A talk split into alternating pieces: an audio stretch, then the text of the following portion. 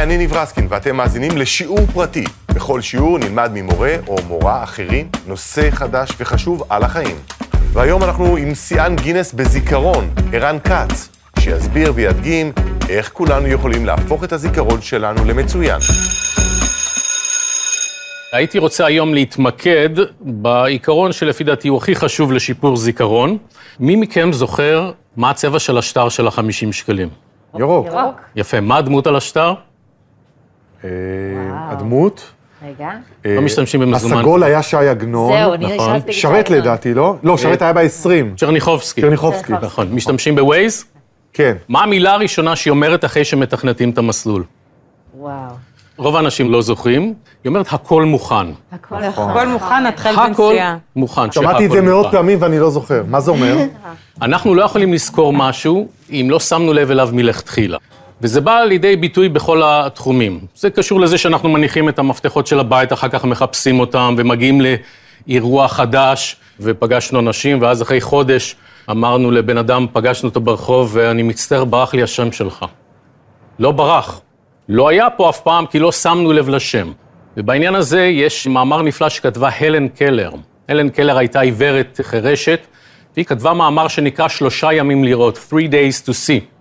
ולמה היא כתבה את המאמר הזה? יום אחד באה אליה חברה הביתה, והלן קלר שאלה אותה, אמרה לה, ספרי לי מה ראית בדרך.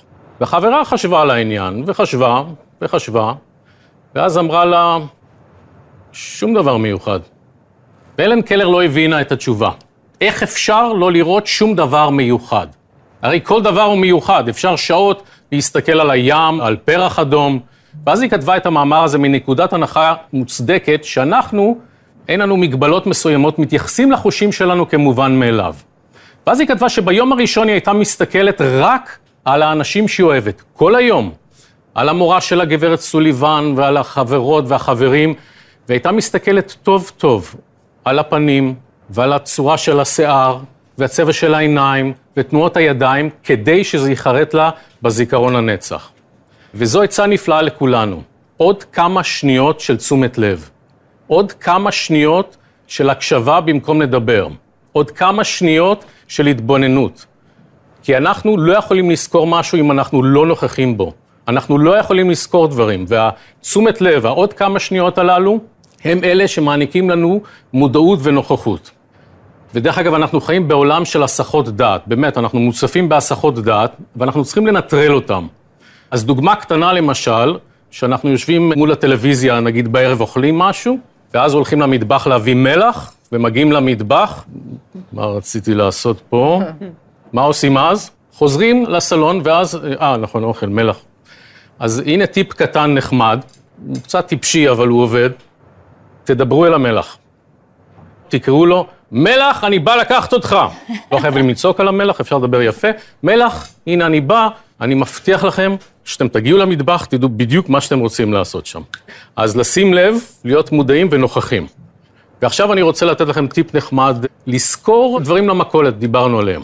עכשיו תראו, אנחנו, יש לנו וואטסאפ, אנחנו שולחים לעצמנו מה לקנות, והמשפחה שולחת, אבל בואו ניקח סיטואציה שאנחנו נוסעים באוטו, ופתאום נזכרים בעוד כמה דברים שאתם רוצים לקנות שלא ברשימה. אני רוצה שכל אחד מכם יגיד עכשיו מה הוא צריך לקנות שמזמן הוא לא קנה בסופר כי כל פעם הוא שוכח. ריטה, קוטג'. ניב? בוא נאמר אה, פסטרמה. אוקיי. מירי? אני צריכה לקנות מקלות קינמון, ותמיד תמיד שוכחת. מקלות קינמון. כן. אוקיי, ומעיין? השכחה הכי מובהקת שלי היא נייר כסף, ואז אני מגיעה לשלב שאני אה, נכון, גם אני הנייר לעטוף את אלומיניום. האופת הזה ואין לי את הנייר גם אני אלומיניום. צריך. אז עכשיו אנחנו נפתור את זה. והרעיון הוא כזה. הרעיון הוא לקחת מידע שאנחנו רוצים לזכור, כל מידע חדש, ולקשור אותו למידע שטבוע לנו בזיכרון שאנחנו לא יכולים לשכוח. מה אנחנו לא יכולים לשכוח? מחקרים מראים שאנחנו, בני אדם, מאיזושהי סיבה, זוכרים מצוין מיקומים. מיקומים. אם אני אומר לכם להצביע על המצח, זה לא סוג של מידע שצריך עכשיו לשחזר ולהיזכר בו. אתם יודעים איפה הסלון, אתם יודעים איפה הספה בסלון, מה יש ליד הספה משני הצדדים. מדינת ישראל יש את ראש הנקרה, מתחת נהריה, מתחת עכו, מה יש מתחת לעכו? קריות, חיפה. קריות, חיפה. בקיצור, אנחנו זוכרים מצוין מיקומים. הרעיון הוא לקשור מידע חדש למיקומים מוכרים, כדי שהמיקומים יזכירו את המידע. לוקחים מיקומים מוכרים, או בבית, או לצורך העניין את הגוף שלנו. לפי הסדר, זה כמו תיקייה מנטלית שאנחנו בונים עכשיו. יש לנו את האצבעות של הרגליים, ברכיים, ישבן, פופית, כתפיים, אפשר לעלות הלאה, אוקיי?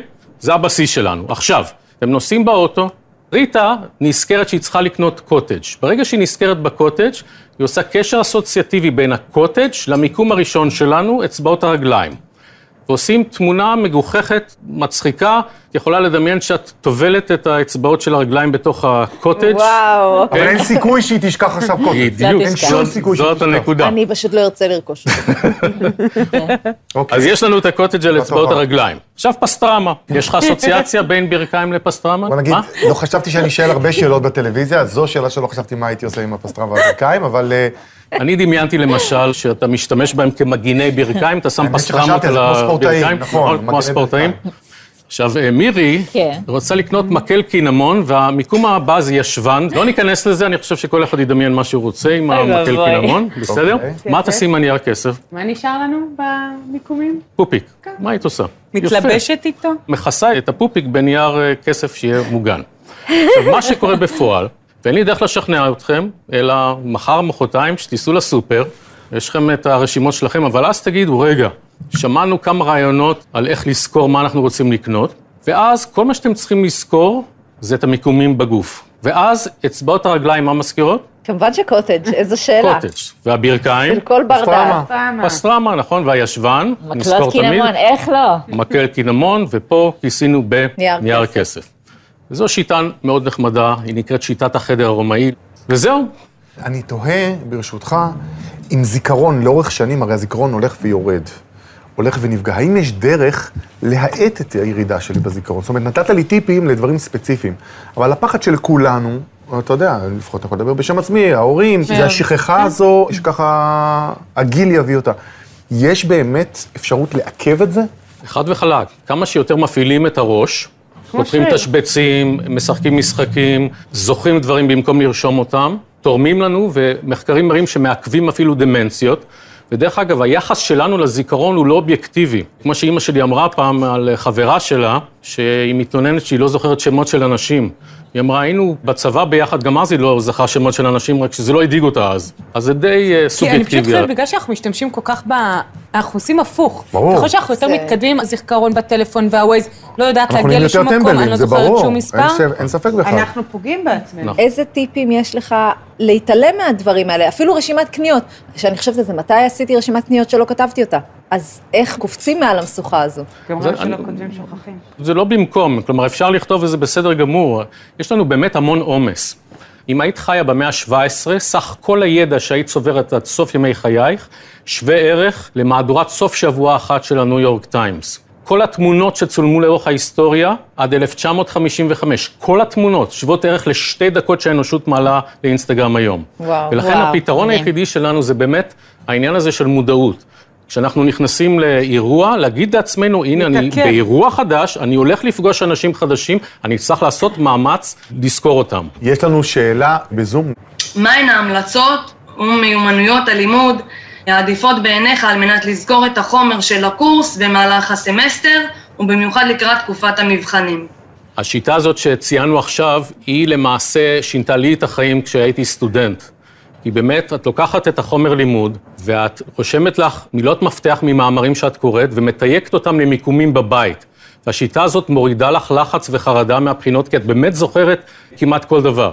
אתה שם פתק בבית עם שם הנושא? לי הייתה מחברת לבנות שלי, גם מחברת אסוציאציות. כן. בסלון שמנו את ההיסטוריה של מדינת ישראל בתקופת בית החשמונאים. כל עמוד היה לו אסוציאציות אחרות. עוד משהו שחשוב שאני רוצה לנצל לומר, אנחנו לא יכולים לזכור משהו אם הוא לא מעניין אותנו, זה העיקרון השני. ולכן, אני ממליץ לך להתחיל ללמוד, בדרך כלל אנחנו לומדים בצורה כרונולוגית, סיימנו פרק 6, מתחילים פרק 7, אל תעשי את זה.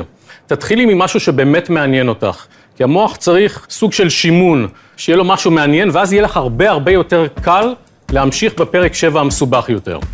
עד כאן השיעור הפרטי של ערן כץ. אתם יכולים למצוא אותנו במאקו, ב-N12 ובכל אפליקציות הפודקאסטים. תודה שהאזנתם.